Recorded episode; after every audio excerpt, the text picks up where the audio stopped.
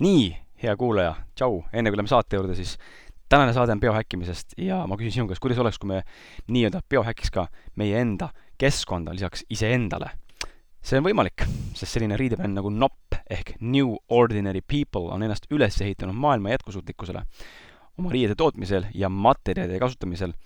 on nad sada protsenti keskkonnasõbralikud, kasutades ökoloogiliselt kasvatatud orgaanilist puuvilja ja ökoloogilisi trükivärve ja pean tunnistama, et riided on väga pehmed ja ülikvaliteetsed. esimesel hetkel neid selga pannes ma olin ausalt öeldes heas mõttes šokeeritud, väga pehme, väga mõnna. ja lisaks iga ostetud tootega istutavad nad ühe puu maailma erinevatesse paikadesse see on üks viis, kuidas võidelda metsade hävitamise vastu ja ühtlasi aidata sellel planeedil, kus me elame, olla jätkusuutlikum koduleheküljelt newordinarypeople.com leiad riideid nii lastele, naistele kui ka meestele ja kasutades sooduskoodi kriskala kümme või ausad mehed kümme, saad ostukorvilt miinus kümme protsenti alla. head shoppamist sulle ja loomulikult head saadet!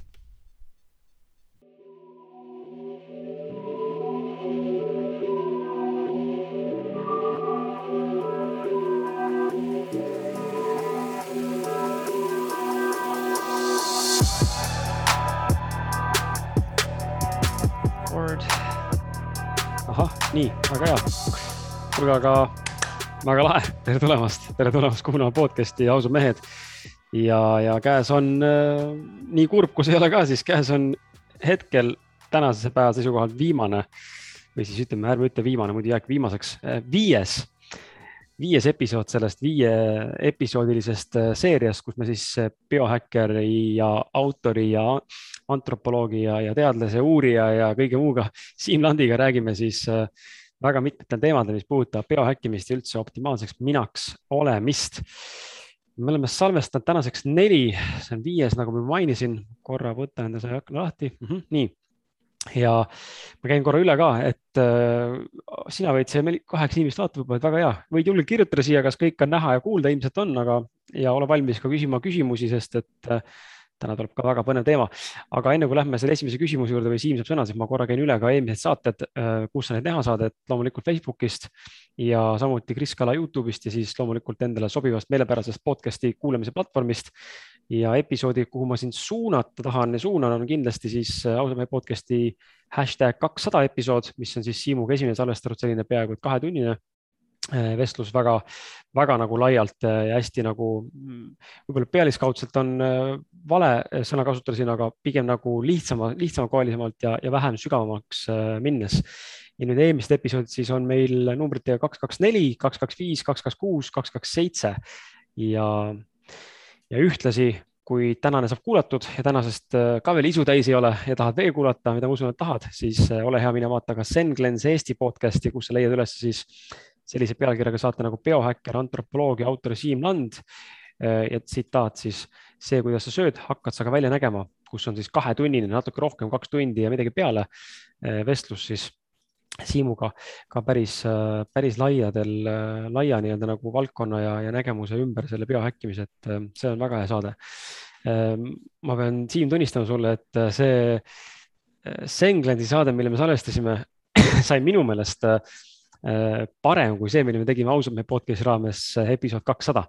Äh, aga võib-olla ma ise olen ka rohkem teemadega kursis nüüd ja, ja sellepärast tuli ka parem, et enne ma olin täitsa võhik ja, ja tundsin ennast niimoodi, nagu oleks mingisugune täitsa teadmatu inimene, noh, mis üldse saama hakkab, nii et mõlemad, kõik on head episoodid, aga tänases episoodis siis tõepoolest see viies episood. täna räägime siis pikaealisusest, surematusest, vananemisest, aeglust, tähendab vananemise aeglustamisest ja loomulikult ka siis vananemisest räägime vitaalsusest, elujõust ja üleüldisest heaolust. nii et äh, Siim, kui sa oled valmis, siis äh, hakkame siit aga peale, et esimene küsimus, millega ma sind kohe tümitan, on siis see, et äh, me eelmistes episoodides sisuliselt oleme rääkinud siis toitumisest, oleme rääkinud trennist, oleme rääkinud vitamiinidest, mineraalidest ja siis paastumisest. Need on sellised neli märksõna, mis kirjeldavad eelmise nelja siin selle seeria raames siis salvestatud episoodi teemasid ja ma tahaks küsida sinu käest, et Ehm, sa oled seda maininud kuskil ka, et äh, vaata tihtipeale inimesed lähevad, äh, teevad elus suuri muudatusi või hakkavad ennast kuidagi paremaks muutma või enda ma ei tea, trenni tegema, sööma paremini, paremini toituma, eks elustiili muutma, sellepärast et neil midagi on juhtunud, mis on olnud siis nagu mingisugune tragöödia või mingisugune suur error, eks ole, kas tervises või mingis muus aspektis elus. aga sinul, nagu ma aru saan, siis tegelikult äh, need, millest me eelnevalt oleme rääkinud, siin on kõigest tööriistad äh, ja sinu isiklik huvi, orbiit ja ning eesmärk on siis olnud kogu aeg taustal ikkagi pikaealisus Äh, kas see vastab tõele või ma pigem eksin, mis, mis on sinu nagu selle biohackingu end goal, kui peaksid täna nagu võtma kokku selle, siis mis on sinu see kõige suurem hüvang, mis sa tegelikult sellega saavutada tahad mm.? no mõtlen, äh, jah, oleks nagu hea, kui äh, elaks kauem või oleks parem elukvaliteet ja siuksed asjad. aga no ütleme, kõige suurem eesmärk mu jaoks on lihtsalt siis, siis noh inimkonda nii-öelda juhatada teatud suunas nende asjade, selle, selle biohackingu maailmas nii-öelda. et sellepärast, et äh, noh, tulevikus, vähemalt tulevikus, lähitulevikus või äh, paarikümne aasta pärast võivad tekkida küll nagu väga palju selliseid erinevaid siukseid just nimelt nagu eetilised küsimused inimvõimendamisest ja siuksed mingi geenide muutmisest ja siukestest asjadest ja nii-öelda robotitest ja nii siukestest sellisest teemadest nagu transhumanismist. et nagu mina siis kui antropoloog ja biohäkker, siis tahan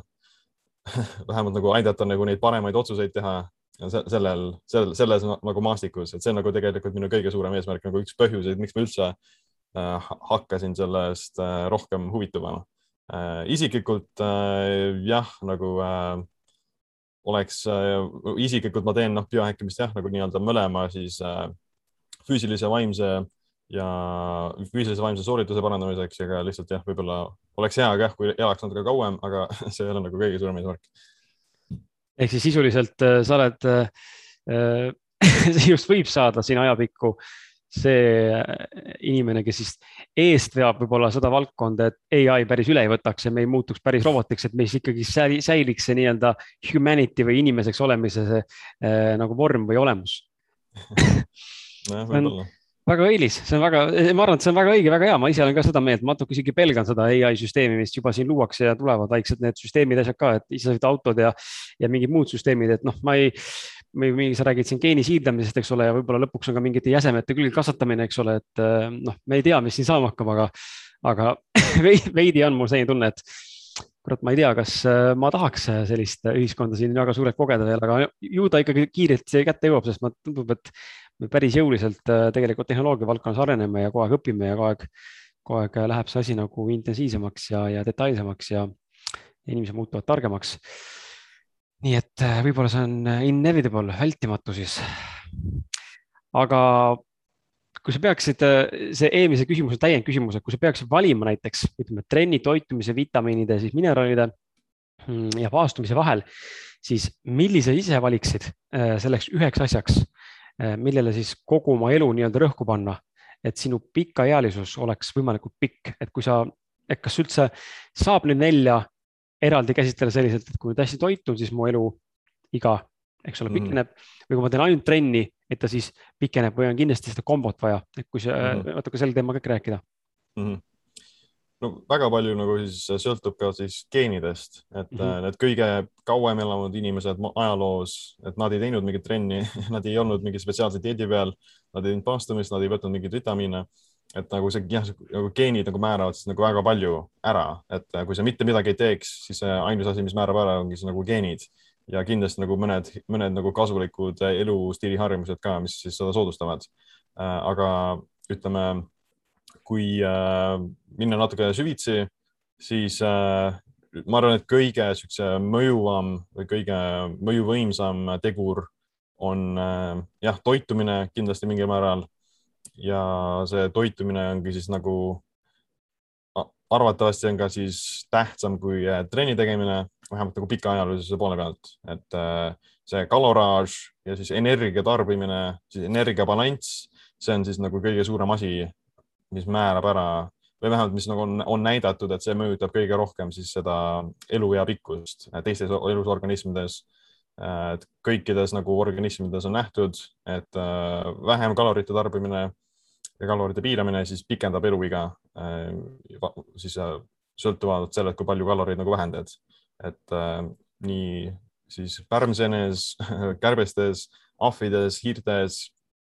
ja teistes nagu loomades siis jah, söövad umbes kakskümmend protsenti vähem kaloreid, siis nad hakkavad nägema siis pikemat eluiga natukene. Ja muidugi on teatud piir, et kui sa mingi vähem kui viiskümmend protsenti kaloreid sööd, siis on, võib-olla hakkab juba natukene siis äh, negatiivset mõju äh, avaldama elu, eluea pikkusele, aga üldiselt jah, et kui sa sööd mingi kakskümmend kuni nelikümmend protsenti vähem kaloreid, siis on äh, need loomad äh, elavad kauem ja no arvatavasti nagu mingil määral inimestele ka mõjutab, aga ütleme noh, siis vaba, vabas maailmas elades on see nagu päris raske ülesanne, et kui öelda inimestele, et jah, et elada kauem, sa pead sööma siis nagu mingi kolmandik vähem toitu elu lõpuni, et nagu ainult väga vähesed inimesed on seda siis võimelised tegema või isegi valmis seda tegema. et on küll nagu mingid siuksed nii-öelda siis sotsiaalgrupid, vähemalt välismaal siuksed kalori piiramise grupid, et nad ongi siuksed väga kõhnad inimesed siuksed eriti lihas, lihasmassi pole, eriti luustikku tugevasti ei ole ja nad söövadki nagu siis väga vähe kaloreid ja siis nende põhjus selleks ongi see, et nad tahavad nagu kauem elada aga jah, see on jällegi, see on nagu ütleme ka väga sihuke, ei ole nagu täiesti kindel, et miks see nii toimib või et nagu miks,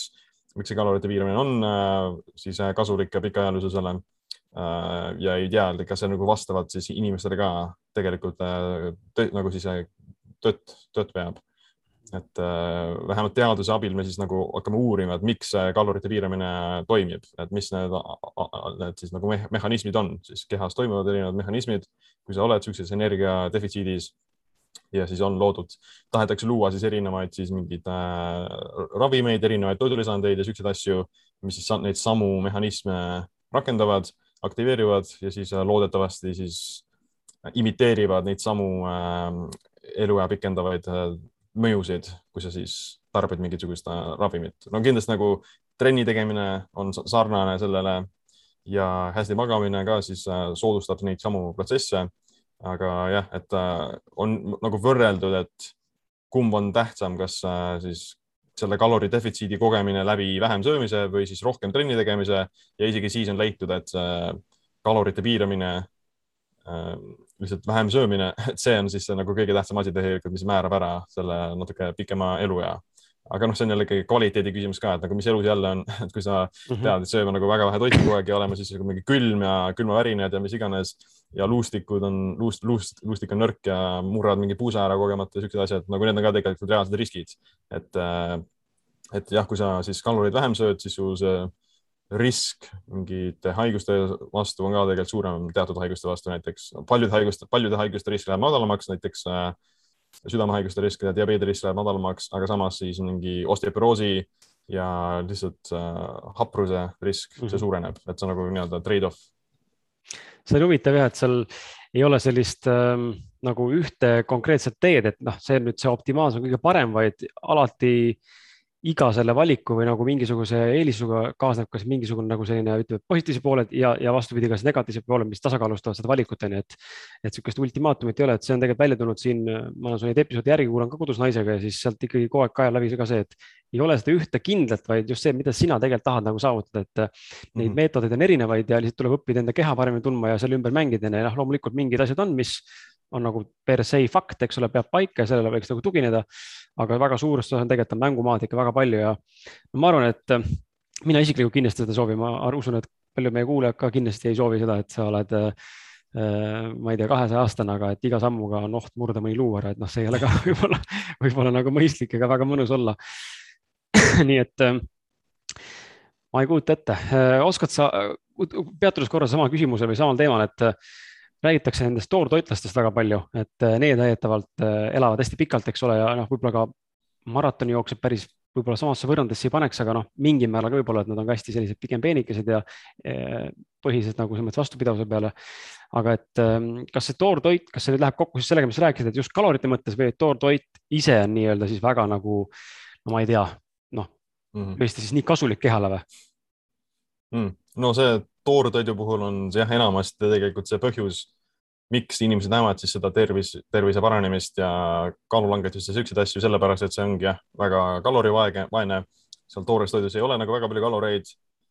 ja see ka, et kui sa sööd seda toorena, siis su keha peab rohkem siis energiat kulutama selle seedimiseks, et kui sa söödki hästi palju kiudaineid, hästi palju siis toorest toitu, siis uh, jah, keha peab kõigepealt selle üles soojendama nii-öelda ja lagundama ja see kõik nõuab rohkem energiat võrreldes mingi pudingi söömisega või mingi Mhm. puhtalt nagu suhkruvee joomisega, et see suhkruvesi läheb otse siin siis nagu kehasse, kehasse, aga kui seal on mingi kiudaine sees, siis see ikka nõuab rohkem pingutust ja tavaliselt jah, siis need toortoidu dieedid või siis mingid mahlavaastumised ja siuksed asjad, et need toimivadki lihtsalt sellepärast, et su keha läheb väga sügavasse siis energiadefitsiiti. sa hakkad keha- kehakaalu langetama, su põletikutase madaneb äh, või langeb ja jah, et nagu kõik see maagia ei tule otseselt siis nendest, sellest toidust või sellest toortoidust. see maagia tuleb jah, enamasti lihtsalt sellepärast, et sa oled siis selles, sa annad oma kehale pausi nagu, et sa annad oma kehale pausi sellest äh, üleliigsest toitumisest ja ka siis potentsiaalsetest mingitest äh, allergilistest toitudest ja erinevatest siuksestest raskesti seeditavatest toitudest, mis iganes mis, mis endale just nagu probleeme tekitab, sa annad selle kehale pausi ja siis keha aktiveerib neid eri, erinevaid siis äh, antioxidant defense süsteeme. Ja siis nimelt ka need autofaagia ja siuksed asjad, erinevad siis äh, pikaajalises, pikaajalises proteiinid tõusevad, aga need tulevadki lihtsalt selle kalori defitsiidist, et äh, teoorias sa võiksid saavutada sama efekti äh, ükskõik mis dieediga, kui sa oleksid nagu siis kalori defitsiidis, osad on nagu kindlasti paremad, et seal mingid siis mingi puuviljas või juurikates on rohkem mingit antioksüdante ka.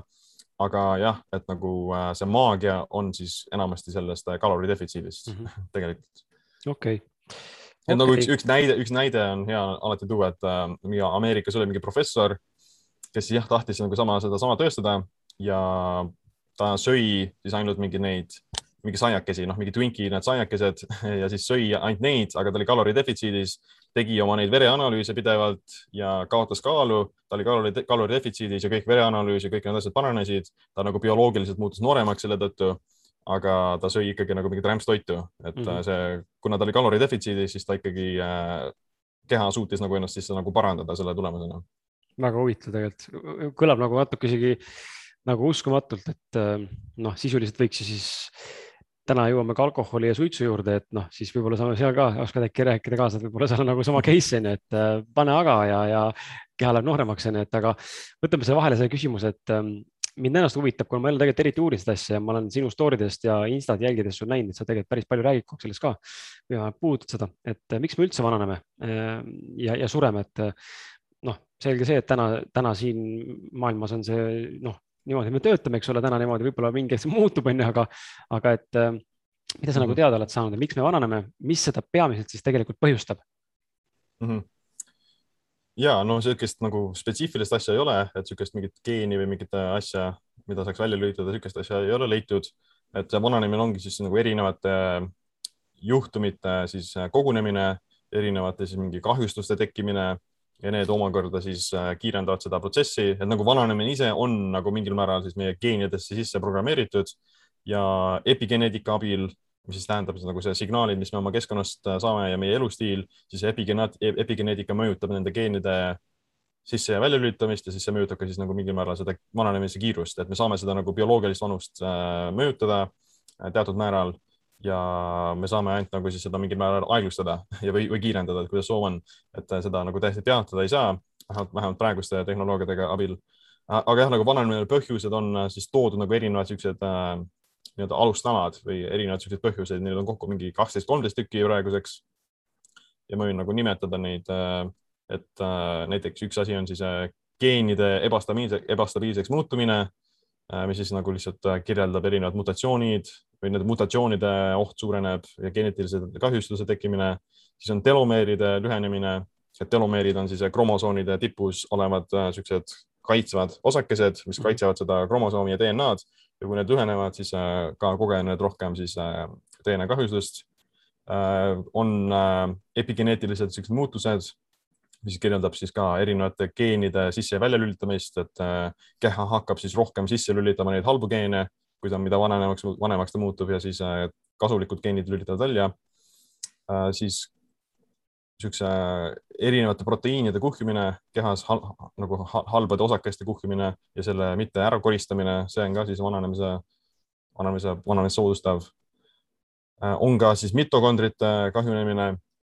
mis on, mitokondrid on sinu energia tootmise siis osakesed või allikad ja need mitokondrid kahjustuvad iga kord või mida rohkem nad energiat toodavad, seda siis kahjustumaks nad muutuvad ja vananemise käigus ka muutuvad nõrgemaks siis zombi või nagu surnud rakkude tekkimine, et tekivadki siis nagu surnud rakud. Need siis aeglustavad üldist funktsiooni, funktsiooni. Mm, on ka toit, toitaine, signaalide nagu ebakommunikatsioon, et erinevate keha osakeste vahelised siis signaalid muutuvad nõrgemaks, osad signaalid ei toimi enam ja siis selle tõttu jah, ei ole võimalik näiteks lihast palju kasvatada, et see on üks põhjus, miks Äh, vanematel inimestel on siis rohkem seda lihasmassi kaotuse, kaotust. Äh, see tuleneb siis sellest, et keha ei saa nagu nii väga sisse lülitada neid lihasmassi kasvatavaid signaale ja siis hakkab nagu närbuma aja jooksul. ja muidugi äh, on ka veel siuksed nagu lihtsalt nagu krooniline sihuke põletik, et krooniline põletik tegelikult siis tekitab seda kahjut kõige rohkem, kahjustab mitokondreid ja siis selle kogune, selle nii-öelda siis kahjustuse kogunemisel me vananeme ja ongi, et nagu meie keha peab siis nagu üha rohkem ressursse kulutama selleks, et hoida nagu siis kõiki neid hädavajalikke funktsioone elus. aga lõpuks nagu siis ikkagi ei jõua nagu siis järel pidada ja siis see vananemine kiireneb mm. -hmm. aga vot juttu on olnud ka sellest, et on ju noh, räägitakse sellest, et meil on see, mida me väljapool näeme, eks ole, see on meie see sisemine bioloogiline vanus on ju, kuidas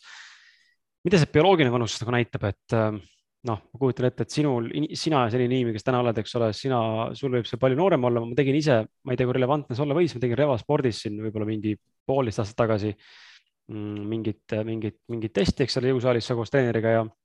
siis see paber näitas mulle mingisugust bioloogilist numbrit, aga see ei olnud nagu kolossaalse muutustega, et ma olin siis tollal kakskümmend üheksa ja see näitas äkki kakskümmend viite või kakskümmend nelja, midagi taolist. et aga, aga mis see nagu siis tegelikult näitab, mida see nagu tähendab ja, ja kuidas me saaksime võib-olla seda siis bioloogilist vanust ja siis meie tegelikku, tegelikku vanust, tegelikku väljanägemist siis omavahel nagu võrrelda või, või koos nagu dünaamiliselt äh, tööle panna mm? -hmm. no need enamus äh, bioloogilise vanuse testid, nad on äh, jah, nagu siis peegeldavad sinu keha para, praegust nagu siis seisukorda, et äh, mis on siis selle epigeneetiline seisukord, et mis on sinu, annab siis niisuguse mingit aimdust selle kohta, jah, kui hästi sul nagu need praegused rakud töötavad ja nagu siis jah, loob niisuguse mingi numbri siis vastavalt sellele, et nagu kuidas oleks äh, arvatav, et kuidas nagu siis keskmise siis populatsiooni või keskmise inimese vanus selle, selle, selle nagu hetkel, et kuidas, kuidas nagu siis keskmise inimese või keskmise kakskümmend viis aastat vana inimese siis niisugune keha peaks välja nägema, siis ta nagu siis võrdleb seda sinu omaga ja siis annab sulle mingi numbri.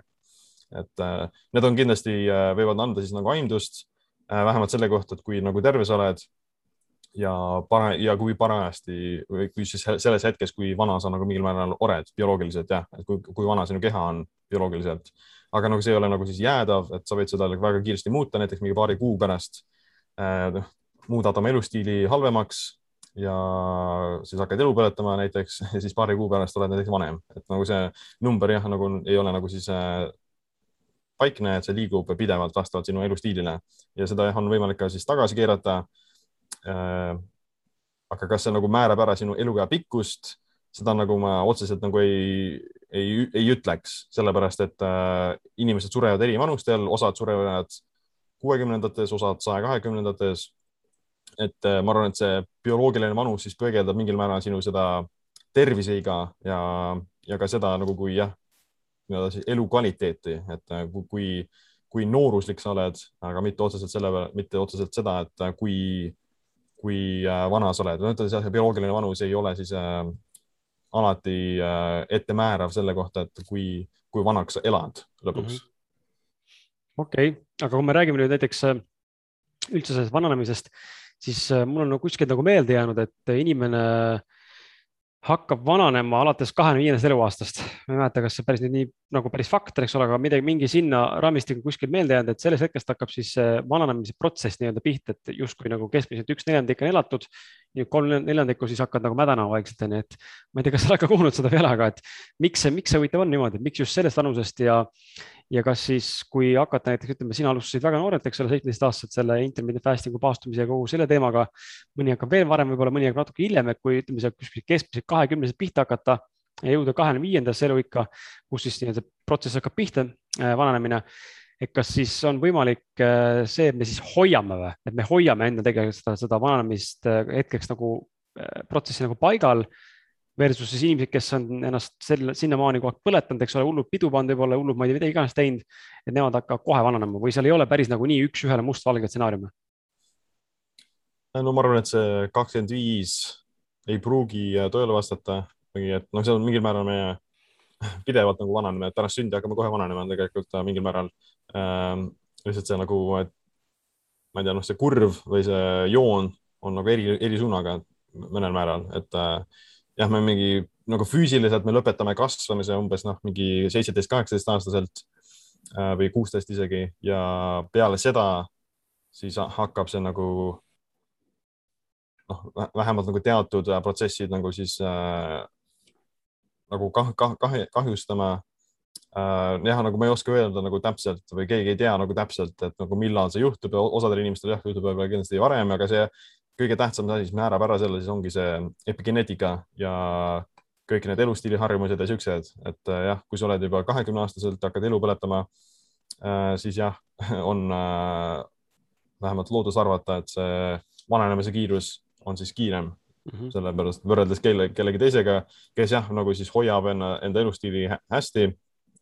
korralikuna, siis äh, neil nad võimalikud, võimalikud on võimalik jah, siis nagu mingil määral seda kuidagi noh, hoida paigal äh, teoreetiliselt või siis liigub või siis aeglustada seda või siis nagu siis see vananemise kiirus on nagu väga aeglane, et äh, ütleme peale neljakümnendat hakkab siis nagu esimesed siuksed äh, märkimisväärsema, märkimisväärsemad äh, muutused juhtuma kehas, kus siis on see äh, vananemine hakkab rohkem märkama, nagu rohkem märgata seda, sellepärast et siis nagu vähenevad kõik need, kipub vähenema, vähenevad nagu kõik need äh, testosteroon ja kasvuhormoon ja üldine lihasmass hakkab vähenema peale seda, et äh, enne seda on niisugune ikkagi ütleme vähemalt nagu nooruslikum, et jah, see on nagu reaalne vananemine või see kiire, kiirem, vähemalt kiirem vananemine hakkab toimuma jah, umbes siis, kui need nii-öelda muud kasvuhormoonid ja testosteroon ja need hakkavad langema, aga see, see on ka tegelikult subjektiivne erinevatel inimestel. osal inimestel võib-olla ei juhtugi enne viiekümnendat midagi et äh, jah, see sõltub väga palju siis lihtsalt sellest elustiilist. okei okay,, aga tulemegi siis korraks elustiili juurde, et äh, kui sa peaksid nüüd nimetama näiteks, ma ei tea, mõlemast äh, variandist või siis mõlemast stsenaariumist äh, näiteks üks, kaks või kolm, et millised võiks olla igapäevased tegevused, mis siis soodustavad vananemist ja teistpidi, millised võiks olla need tegevused siis igapäevased, mis vastupidi ähm, pikendavad sinu eluiga, et see positiivne ja siis ütleme siis nii-öelda sildistatuna negatiivne äh, tegutsemisviisid, mis võiks olla mõned sellised tingimused, mille, millele tasub tähelepanu pöörata või märgata ja teadvustada, et oi, ma teen seda, seda teen nüüd, et Siim rääkis, ma seda tegelikult oma elus teengi, et okei okay,, järelikult ma liigun selles suunas mm. -hmm. no ma olen see al, alguses ma mainisin seda kaloreid, et äh, siitkohalt siis ka, et äh, kalorite ülesöömine äh, ja üle siis äh, rasvumine, see kiirendab vananemist. Siis su kehal on siis rohkem niisugust energiaküllust ja selle energiakülluses ta siis kogeb nagu mingil määral natuke rohkem füüsilist kahju toidu seedimiseks ja siis põletike maandamiseks. Ja samas ka siis lülitab välja teatud vananemist aeglustavaid protsesse, et see kehal ei ole siis vaja ennast nagu mingil määral parandada nii palju ja ta kogeb rohkem siis seda või siis antioksüdandi kaitse on nagu madalam selle tõttu, kui sa oled nagu kalorite külluses. Et see on nagu kindlasti halb, et nagu äh, ütleme, see number, kust nagu see algab, see on ka nagu väga subjektiivne, et äh, tavaliselt, kui su, kui sa koged nagu siis kõiki neid erinevaid kaashaigusi nagu diabeet äh,, metaboolne sündroom, kõrge vererõhk ja need asjad, siis äh, on põhjus, miks ülekaalulisus ka kiirendab vananemist, et su siis äh, vere, veresuhkur on kõrgem, insuliin on kõrgem ja siis need on kõik äh, kahjulikud äh, vananemisele jaoks äh, nagu ma ütlesin eelmine kord ka, et see nagu diabeet ja vererõhk, kõrge vererõhk, need siis äh, vähendavad eluiga umbes mingi viis kuni kümme aastat, et see on jah, nagu niisugune asi, mida saab väga lihtsalt vältida. ja oleks, oleks kasulik ka vältida. järgmisena ütleks, mis asi kiirendab vananemist, on no ütleme, ütleme nagu niisugune vähem, vähem magamine või unepuudulikkus, et see on ka väga tähtis. et sest su keha parandab ennast une magades ja väga nad eri, erinevad siis äh, taastamisprotsessid, need toimuvad just nimelt äh, unes, et su keha siis eemaldab neid surnuid rakke ja koristab ennast ja puhastab ja kõik asjad, need toimuvad siis une, une jooksul. ja unepuudulikkus tõstab ka nüüd kõikide diabeedi ja kõrge vererõhu riski ja samas ka siis selle aju neurodegeneratsiooni riski tõus tõstab ka, et Alžeimeri risk suureneb, Parkinsoni haigus ja kõik need ka muutuvad hullemaks, kui sa ei maga piisavalt palju.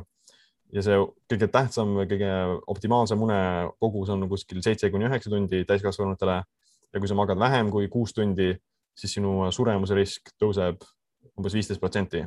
ja kõikide teiste haiguste risk tõuseb ka mingi, Alžeimeri risk tõuseb mingi nelikümmend protsenti ja jah, umbes seitse kuni üheksa tundi oleks vaja magada. Ja viimasena ma võib-olla ütleks, et äh, no kindlasti nagu, et suitsetamine ja alkohol, need on ka kahjulikud sellele. aga siinkohal on nagu väga palju siukseid äh, noh,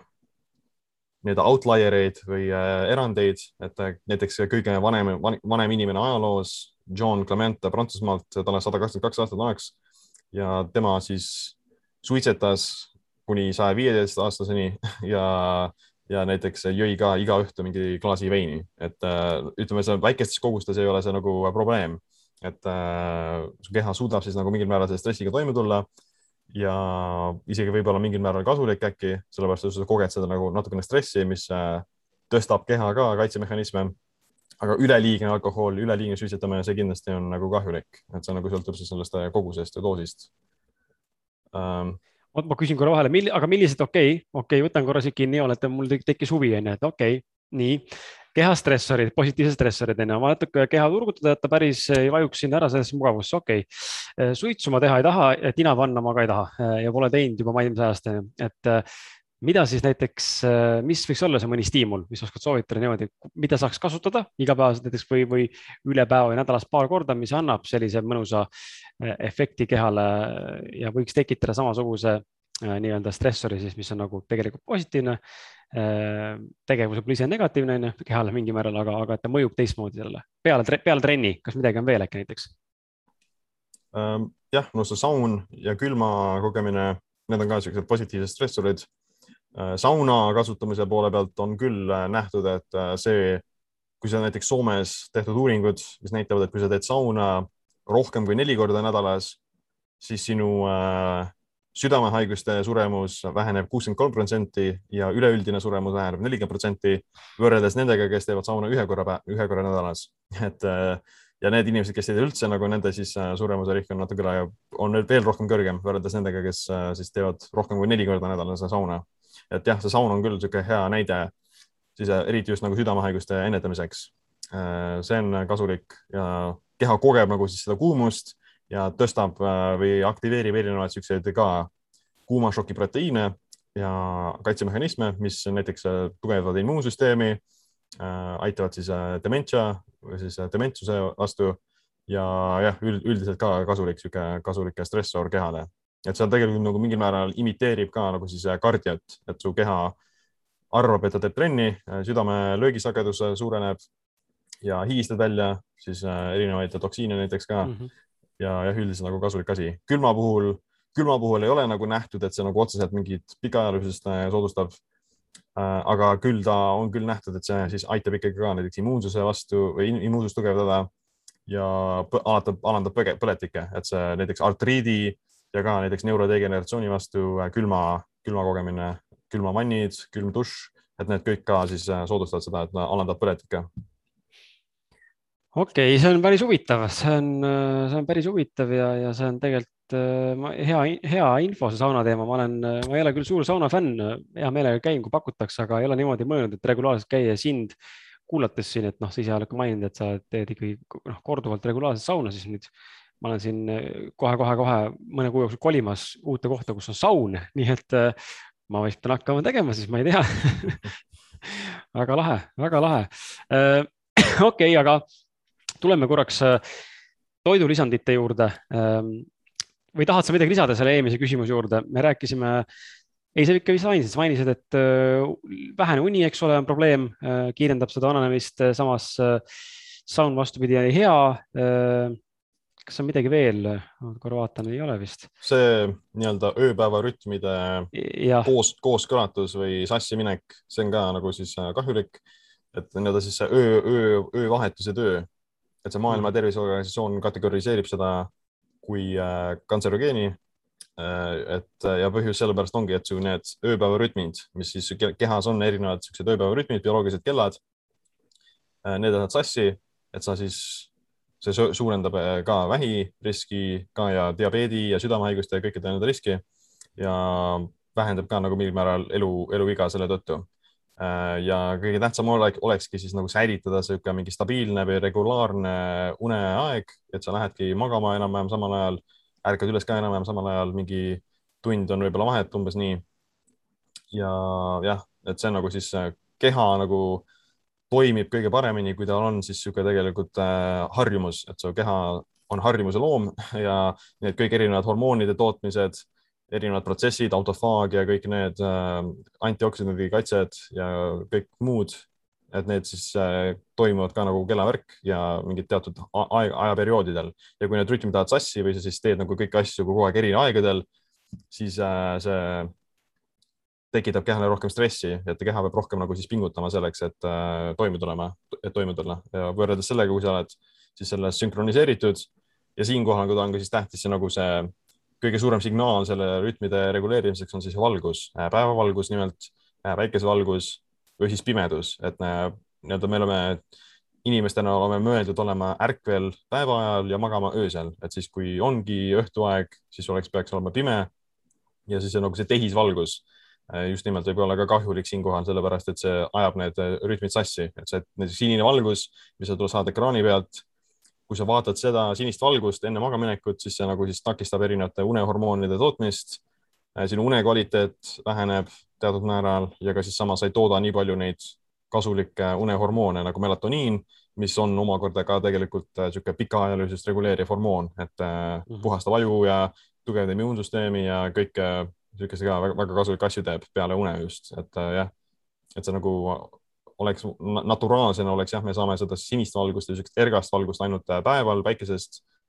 ja õhtul peaks olema niisugune natuke pimedam või siis punakas, oranžikas äh, värv. okei okay,, aga siis sisuliselt ma saan ennast äh, biohäkkida, pannes ette siis endale need äh, oranžide klaasidega need prillid, kas siis see mm -hmm korvab sisuliselt, et kui ma tahan ikkagi õhtul, ma ei tea, ma ei tea, vaadata televiisorit, vaadata mingeid videosid või, või et kas see siis noh, see siis blokeerib totaalselt ära, ma võin seda teha, või ikkagi on see, et noh, eelistatuna võiks ka seda mitte teha äh,. E, on küll jah, võimalik äh, vaadata ikka telekat või arvutit, kus sa kasutad jah, neid prille mm. -hmm. see jah, prill peab siis nagu filtreerima välja selle sinise valguslaine ja see sinine valguslaine või kõige suurem ohtlikum äh, valguslaine melaton, melatooni, melatoniini äh, vastu on äh, umbes nelisada kuni viissada nanomeetrit ja see roheline valgus ka tegelikult seal vahel on kahjulik. Äh, võrreldes näiteks, kui on punane valgus kuskil kuussada kolmkümmend kuni seitsesada nanomeetrit, see ei ole kahjulik melatoniinile ja siis need sinised, need prillid just siis filtreerivad selle sinise valguse ja rohelise valguse ära. aga on ka näiteks päeva, päeva ajal sa saad ka kasutada näiteks on noh, erinevaid värve või tugevusi, et see nagu täielikult ei filtreeri seda sinist valgust, aga sihuke kõige, kõige siukse ohtlikuma selle osa sellest, et. mul on jah. sama asi et mm -hmm. ta on natuke kollaka tooniga, ta teeb nagu kollasemaks kogu selle üldse olustiku päris jõuliselt isegi tegelikult, aga ta õhtu, õhtuti nagu oleks vaja mul neid siis oranžike, ma ei mõelnud võtta ka mm. -hmm. sest aga, aga pean tunnistama, et aitab selles mõttes, ma alguses mõtlesin, see on platseebo, aga reaalselt tunnen, et mul on palju mõnusam on seda ekraani vahtida ja, ja päeval olla isegi noh, selle lampvalguse käes või või isegi päiksega, kui on intensiivne päike, tegelikult isegi see aitab, kui prill, ei taha päikseprille panna pähe, et päris huvitav mm -hmm. selles mõttes kas no, see, mingi... nagu see silma, silma poole pealt ka, et see sinine valgus, vähemalt see intensiivne arvuti pealt tulev valgus, tehisvalgus, et see nagu kahjustab seda silmi ka, et see nagu liiga, liiga siis intensiivne ja seal ei ole seda punast valgust, mis seda balansseeriks, et päikese käest saa, saabuv sinivalgus tuleb koos siis selle terve spektrumiga, sa saad kõike violettset, kollast, rohelist, oranži, punast ja kõike sellega koos, mis siis on niisugune nagu balansseerib selle ära ja see ei tekita siis niisugust nii palju seda stressi. aga kui sa saad seda sinist tehisvalgust, siis sa saad ainult seda sinist. Ja see sinine siis tekitab rohkem seda oksüdatiivset stressi, mis äh, kahjustab silmi. Ja ütleme lõpp aja, aja möödudes või kui sa oledki nagu väga palju siis kontoritööl või väga palju arvuti ees kogu aeg ja vaatad seda sinist valgust ilma kaitseta, siis äh, silma nägemine kindlasti nagu halveneb ja noh, lühinägelikkuse niisugune asi, risk tõuseb. Ja ütleme silma poole pealt on tegelikult nagu tähtis oma silma tervist hoida, sellepärast et äh, kõik need ööpäevarütmid, nad tulevad või siis neid, see sünkronisatsioon toimib läbi silma, silmade, et see valgus tulebki läbi silmade mingi üheksakümmend protsenti sellest signaalist tuleb läbi silma. Ja see valgus läheb siis aiu ja hakkab stimuleerima neid, seda, neid bioloogilisi kellasid. Ja siis vastavalt sellele signaalile kõik saadab eri, kehasse erinevasse osake, osadesse saadab selle signaali, et okei okay,, nüüd on päev, tooda neid hormoone, nüüd on õhtu, tooda melatoniini ja, ja nii edasi. ja kui seda valgust ei tule, siis läbi silmade või see, see signaal on natuke nõrgestatud, siis see ka vähemalt nagu teoorias minu arvates äh, hakkab siis seda vananemist kiirendama, sellepärast üks, üks nagu põhjus, miks me vananeme, on siis selle kehasisene ebakommunikatsioon, et see kommunik mm -hmm. kommunikatsioonisignaalid ei toimi enam nii hästi, et see jah, tegelikult nagu silmade hoidmine on ka tegelikult sihuke underrated nii-öelda vananemise vastu tähtis.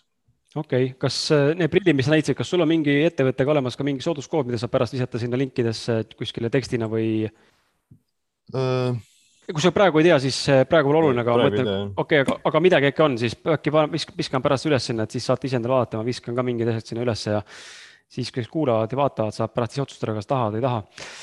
aga okei okay,, aga lähme edasi siit, et äh, räägime korra siis toidulisanditest, noh, mitte nüüd nagu mm, tavalist toidulisanditest, just räägime siis toidulisanditest, mis äh, mõjutavad siis seda vananemise protsessi või siis aeglustavad seda või soodustavad siis mitte vananemist või, või parandavad kuidagi või, või pikendavad midagi, et äh, sa oled ise rääkinud äh, sinu podcast'e kuulates siis just neid ingliskeelseid, et äh, te olete seal päris palju olete rääkinud äh, mitmed erinevad asjadest, eks ole, jutt on punasest valgust olnud eraldi nendest äh, lampidest, eks ole äh, peatus korraga sellel ja ühtlasi ka siis mind huvitab, et sa räägiksid inimestele ka eesti keeles, sest mul isegi inglise keeles on natuke raske sellest aru saada. nii võõrad terminid ja nii, nii uutmoodi info, et mis see NAD ja NMN lühendid tegelikult tähendavad ja, ja miks sa neid tooteid just oled seostanud selle pikaealisuse ja, ja vananemisega mm? -hmm. nojah, see nii-öelda NAD on nikotiinamiid, adeniin, dinukleotiid on pika nimega ja see on niisugune, niisugune universaalne energiamolekul kehas, mis osaleb äh, absoluutselt kõikides protsessides äh, kaasosa, kaasensüümina ja nii energia tootmises, äh, vananemises, kõikides asjades. Ja vananemise käigus siis üks asi, mis väheneb, ongi see NAD levelid kehas, et kehal ei ole nagu siis põhimõtteliselt nii palju ressursse ja see siis on ka nagu mingil määral siis see negatiivne spiraal, mille käigus see vananemine hakkab veel üha kiiremini jooksma, sellepärast et sul ei ole nagu siis seda ressursse väliskeskkonna vastu võitlemiseks enam nii palju, võrreldes sellega, kui sa oled noor, kahekümnendates, kümne, teismeline, et siis sul need NAD levelid on siis äh, kõrgemad ja sul ongi siis sellepärast ongi need noored inimesed saavad nagu, neil on, on hästi palju energiat, neil ja neil on ka siis niisugust äh, võimekust äh, saada toime tulla siis äh, näiteks halva toitumisega või siis muude stressorite, alkoholi ja suitsetamisega saavad nad parem, palju paremini toime tulla, sest nende kehal on seda ressurssi, äh, millega seda, mida siis nagu võidelda selle vastu. Äh, aga jah, umbes peale kolmekümnendat või neljakümnendat tavaliselt hakkab see NAD levelid kahanema. ja umbes viiekümnendates, kuuekümnendates su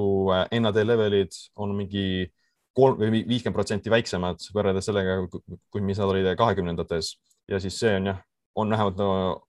üks hiljutine sihuke, üks hiljutine asi, mida, mille peale keskendutakse, et NAD levelit tõsta ja see on näidatud, et see siis parandab teatuid äh, siis tervisenäitajaid, äh, insuliinitundlikkus, ähm, üleüldine nagu siis tervisenäitajad, need paranevad selle tulemusena, kui, kui siis, kui siis tõsta seda NAD levelit. NAD siis äh, taset saab tõsta ka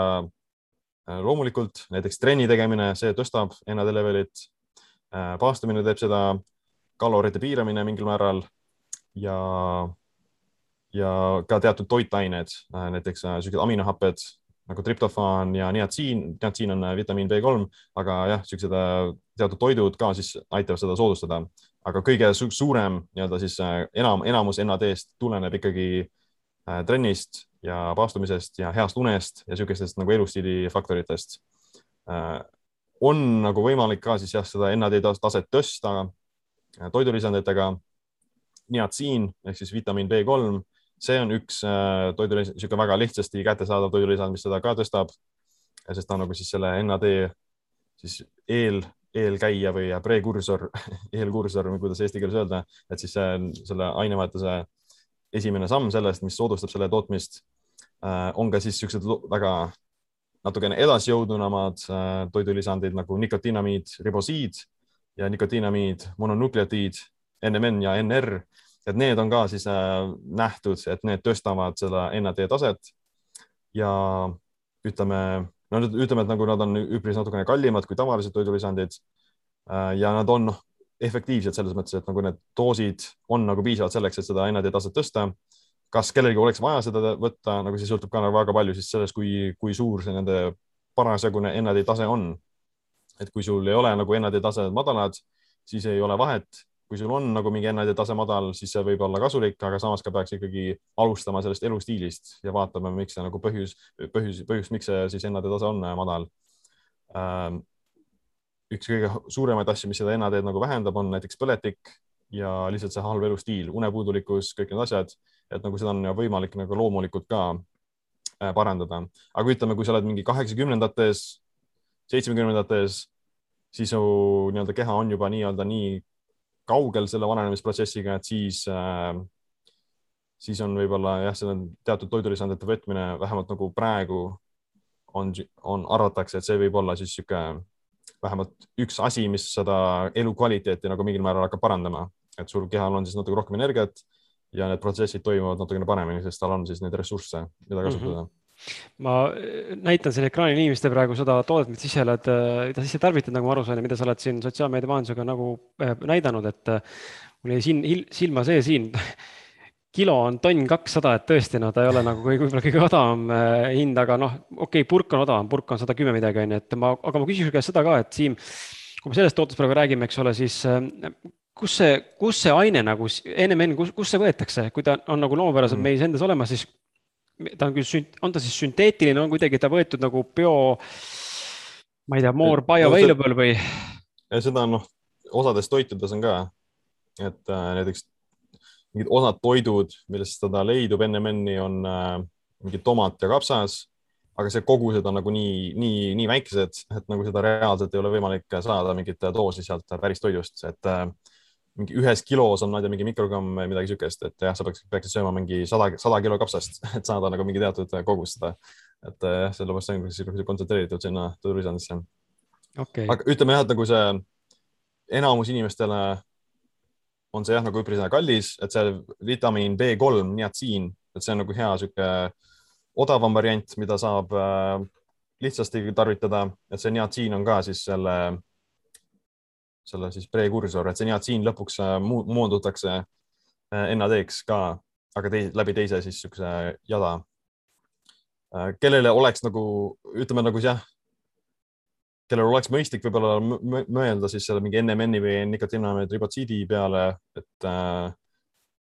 ütleme, ma ise ka nagu ei võta iga päev, ma kasutan seda siis, kui näiteks mul on mingi, ma ei tea,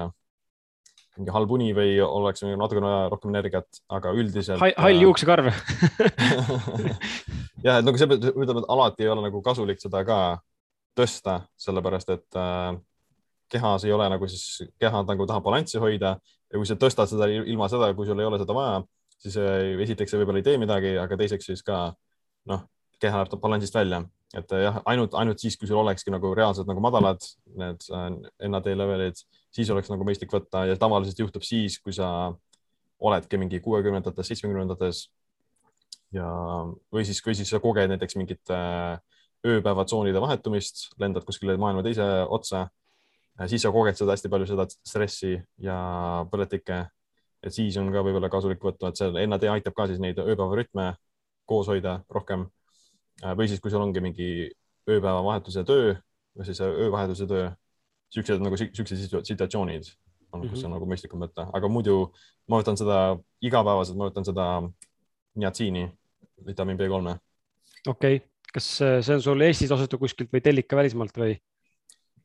Äh, no see on mingi tavaline toidulisand, et see on okay. niisugune mingi multivitamiin. kättesaadav iga, okei okay. Marsi, Marsimehe multivitamiin. okei, okei, mul on küsimus sulle pandud siia kirja. Äh, kahe tütarlapse, äh, kahe tütarlapse küsimustikku või nagu sellise mõttearuteluna siis küsimus. küsin niimoodi, et meile, ma ei tea, kas siin on seos, aga ma panin ta siia episoodi, et kui väljaheide on pigem rasvaneb juba mitu kuud siis mida see tähendab, kuidas käituda ja kas väljaheide, väljaheide võiks olla ka mingisuguseks indikaatoriks äh, inimese vanusest või vananemise protsessist?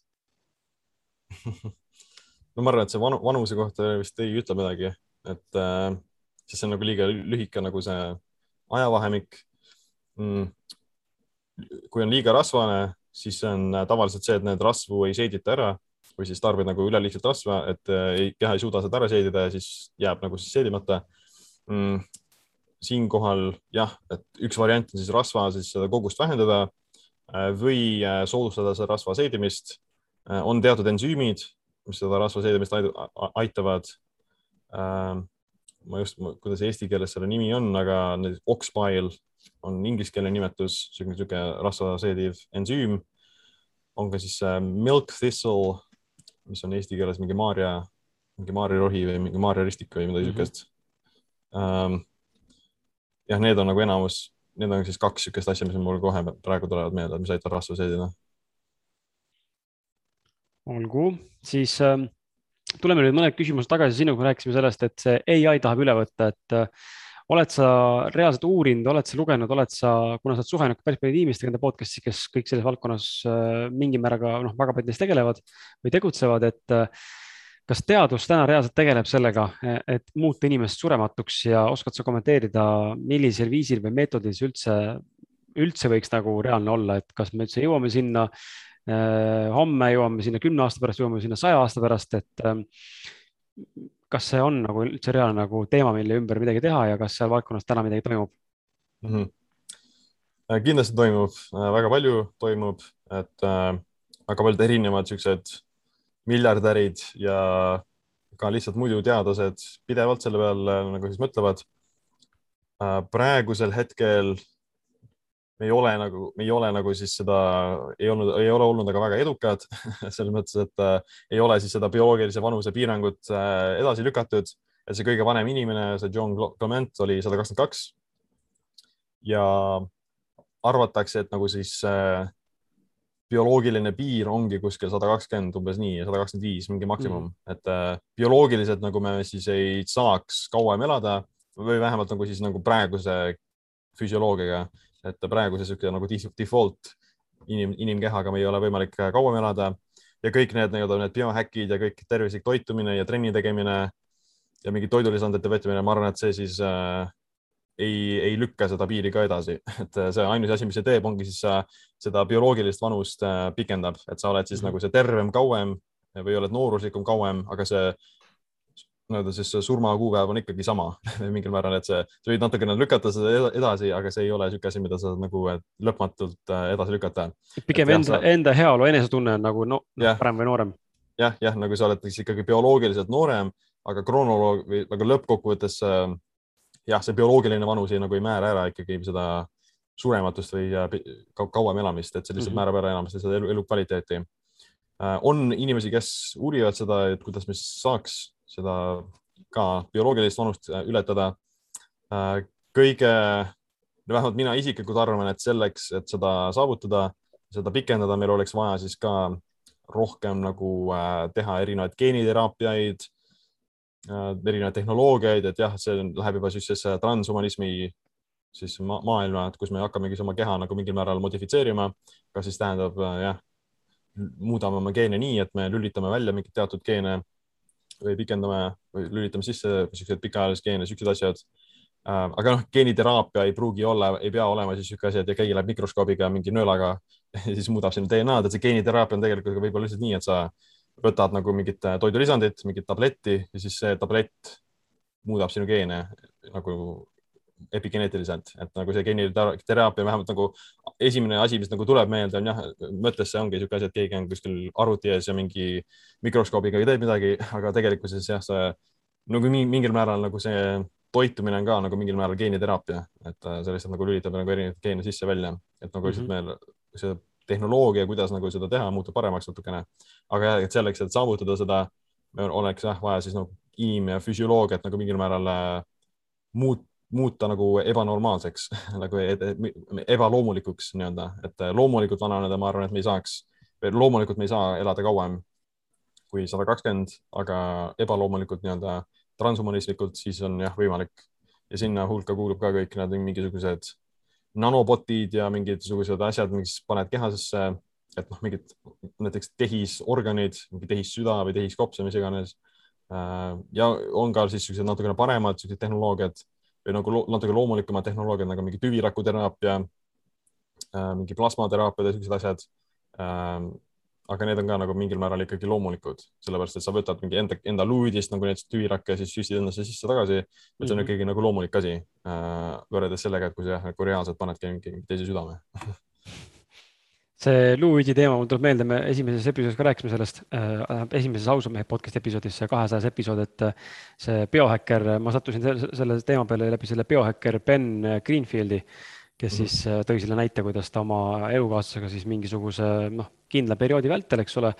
siis ähm, seda luuüdi või, või mis seal, mis ta seal tegi, mingi protsess, eks ole mm. -hmm. reaalselt siis see biological nii-öelda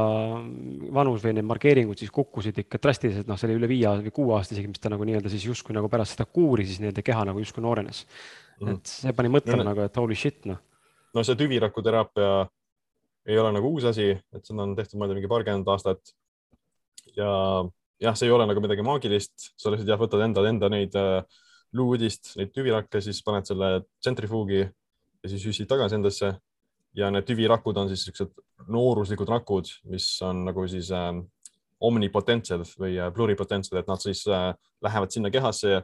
ja nad võivad asendada neid rakke vastavalt soovile, et kui on nagu mingeid erinevaid rakke vaja vahet, välja vahetada, siis need tüvirakud lähevad sinna, siis vastavalt sellele nagu, mida vaja on, uuendavad. et kõige tihedamini kasutatakse tüvirakuteraapiat siis äh, mingite vigastuste äh, ravimiseks, et kui sul ongi mingi äh,, mingi seljavalu või mingi luumurd või mingi muu liigese jama, et siis tüvirakuteraapia on äh, üsna efektiivne olnud selle nagu siis äh, ravimiseks, sest see nagu keha kiirendab seda taastumisprotsessi aga ütleme seda, leida mingit tüvirakuteraapiat, äh, ütleme USA-s vist väga kergesti ei saa, aga mõned kliinikud on. Äh, tavaliselt lähevad inimesed kuskile Panamasse või kuskile sinna, et teha anda seda. Äh, ma ei tea, kas Eestis on, aga võib-olla mingi mõni, vähemalt niisugune kliinik on vist olemas Tartu Ülikoolis, kui ma ei eksi, aga ma ei tea, kas nad, nad, nad arvatavasti nagu ei paku seda inimestele. No läbi, läbi, läbi tutvustada okei okay,, aga mul on kaks viimast küsimust, äh, tegelikult kolm, noh, kaks, kolm. nii et kui inimestel on küsimusi, saate küsida. Äh, ma alustaks sellest, et äh, kui sa peaksid kirjeldama enda sõnadega terminit vitaalsus, siis kuidas sa teeksid ja mida see sinu jaoks tähendab? no vitaalsus on elujõulisus, et on palju energiat, on siis nagu nii vaimset kui füüsilist energiat